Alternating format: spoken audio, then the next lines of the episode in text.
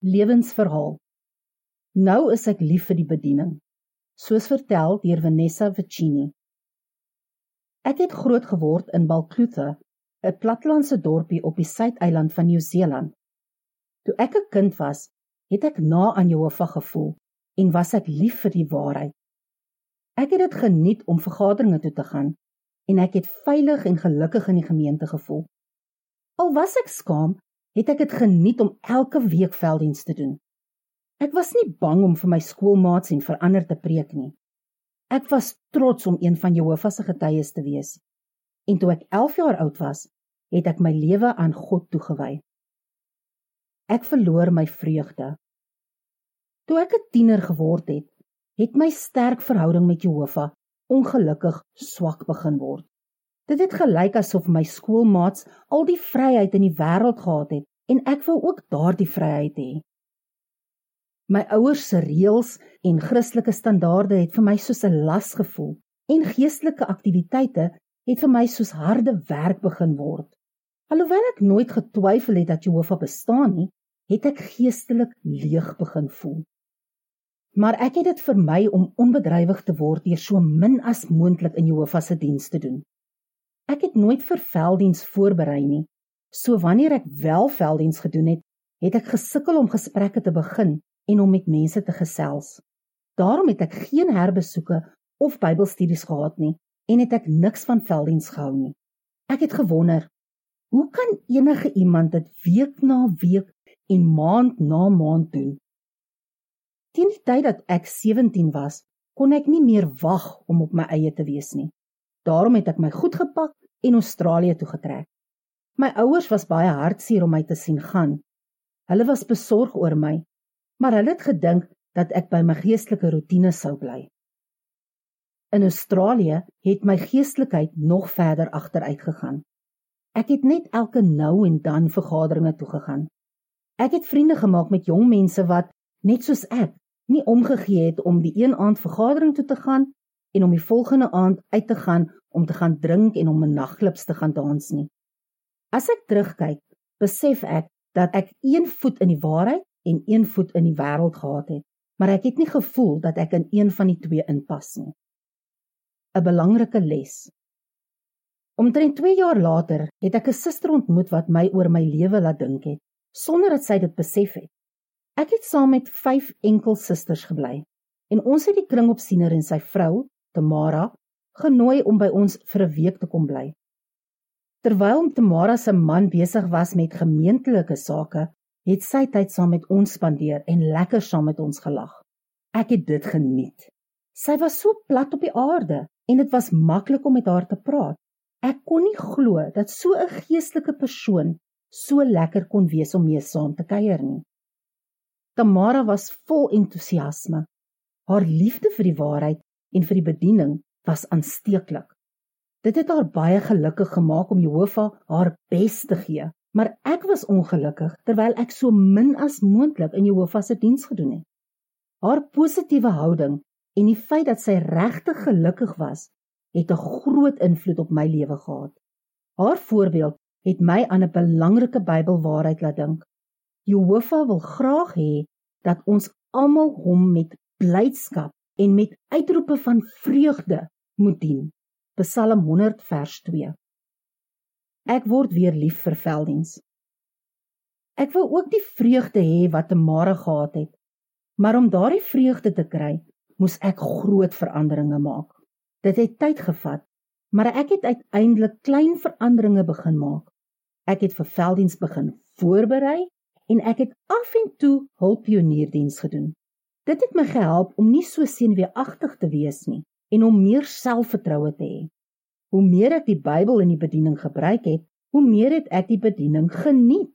Kort voor lank het ek elke maand al pionierdiens gedoen. Ek het vriende met mense van alle ouderdomme gemaak wat goed gedoen het in die waarheid en wat hulle diens aan Jehovah geniet het. Hulle goeie voorbeeld het my gehelp om weer na my prioriteite te kyk en om 'n goeie geestelike rotine te hê. Ek het die bediening selfs meer begin geniet en uiteindelik het ek as 'n gewone pionier begin dien. Vir die eerste keer in jare het ek gelukkig en tuis in die gemeente gevoel. Ek kry 'n permanente pioniermaatjie. 'n Jaar later het ek Alex ontmoet, 'n liefdevolle en opregte persoon wat Jehovah en die bediening liefhet. Hy het as 'n bedieningskneg gedien en het op daardie stadium al 6 jaar lank gepionier. Alex het ook 'n tyd lank in Malawi gedien, in 'n gebied waar daar hulp nodig was.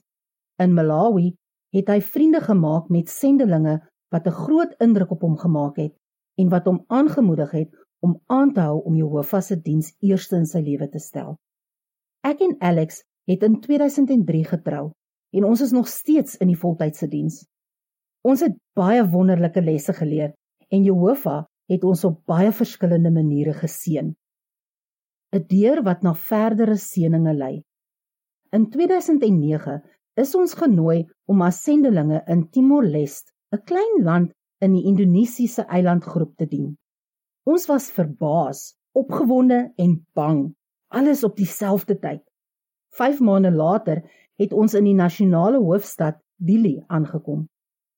Ons moes baie groot veranderinge maak. Ons moes gewoond raak aan die nuwe kultuur, taal, kos en lewensomstandighede. Wanneer ons velddiens gedoen het, het ons gereeld mense gesien wat baie arm was, wat min of geen skoolopleiding gehad het nie en wat deur ander onderdruk was. En ons het baie mense gesien wat fisies en emosioneel baie gelei het as gevolg van oorlog en geweld. Die voetnoot sê vanaf 1975 was daar 20 jaar lank oorlog in Timor-Leste omdat die mense geveg het om politieke onafhanklikheid te kry. Einde van voetnoot. Die bediening was ongelooflik. Byvoorbeeld, ek het eendag 'n ongelukkige 13-jarige meisie ontmoet met die naam Maria. Haar ma het 'n paar jaar vroeër gesterf en sy het amper nooit haar pa gesien nie.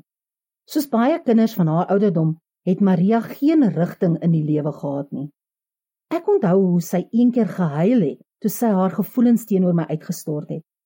Maar ek het geen idee gehad wat sy gesê het nie, want ek kon nog nie haar taal goed praat nie. Ek het tot Jehovah gebid en hom gevra om my te help om haar aan te moedig. En toe het ek vertroostende tekste vir haar begin lees. Oor die volgende paar jaar het ek gesien hoe die waarheid Maria se gesindheid, voorkoms en haar hele lewe verander. Sy is toe gedoop en nou hou sy haar eie Bybelstudies. Vandag het Maria 'n groot geestelike familie en het sy 'n plek gevind waar sy behoort. Jehovah is besig om die werk in Timor-Leste te seën. Alhoewel die meeste verkondigers in die laaste 10 jaar gedoop is, dien baie van hulle as pioniers, bedieningsknegte of ouer manne ander werk by die vertaalkantoor en help om Bybelpublikasies in plaaslike tale te vertaal. Dit het my so bly gemaak om te hoor hoe hulle by vergaderings sing, om hulle glimlagte te sien en om te sien hoe hulle geestelik vordering maak. Ek kan my nie 'n gelukkiger lewe voorstel nie. Ons toewysing in Timor-Leste was baie anders as ons lewe in Australië, maar ek kan my nie 'n gelukkiger lewe voorstel nie. Soms moes ons in 'n klein minibusie ry wat vol mense, droë vis en groente was. Party dae moes ons 'n Bybelstudie hou in 'n warm, betompige huisie met grondvloere en hoenders wat rondhardloop. Maar ten spyte van die uitdagings, het ek baie keer gedink, dit is ongelooflik. As ek terugdink, is ek baie bly dat my ouers hulle bes gedoen het om my van Jehovah te leer en om my te ondersteun selfs gedurende my moeilike tienerjare. Spreuke 22 vers 6 is in my geval waar. My ma en pa is baie trots op my en Alex en hulle is bly om te sien dat ons deur Jehovah gebruik word. Vanaf 2016 dien ons op die kring in die gebied van die Australasie takkantoor. Dit is vir my moeilik om te glo dat daar 'n tyd was toe ek nie die predikingswerk geniet het nie. Nou is ek lief vir die bediening Ek het besef dat dit nie saak maak wat in jou lewe gebeur nie. Jy kan net ware vreugde kry as jy God met jou hele hart dien. Die afgelope 18 jaar wat ek Jehovah saam met Alex dien, was beslis die gelukkigste jare van my lewe. Ek sien nou hoe waar Dawid se woorde aan Jehovah is. Almal wat beskerming by U kom soek, sal bly wees. Hulle sal altyd van vreugde uitroep en die wat u naam liefhet, sal bly wees as gevolg van u. Psalm 5 vers 11. Einde van artikel.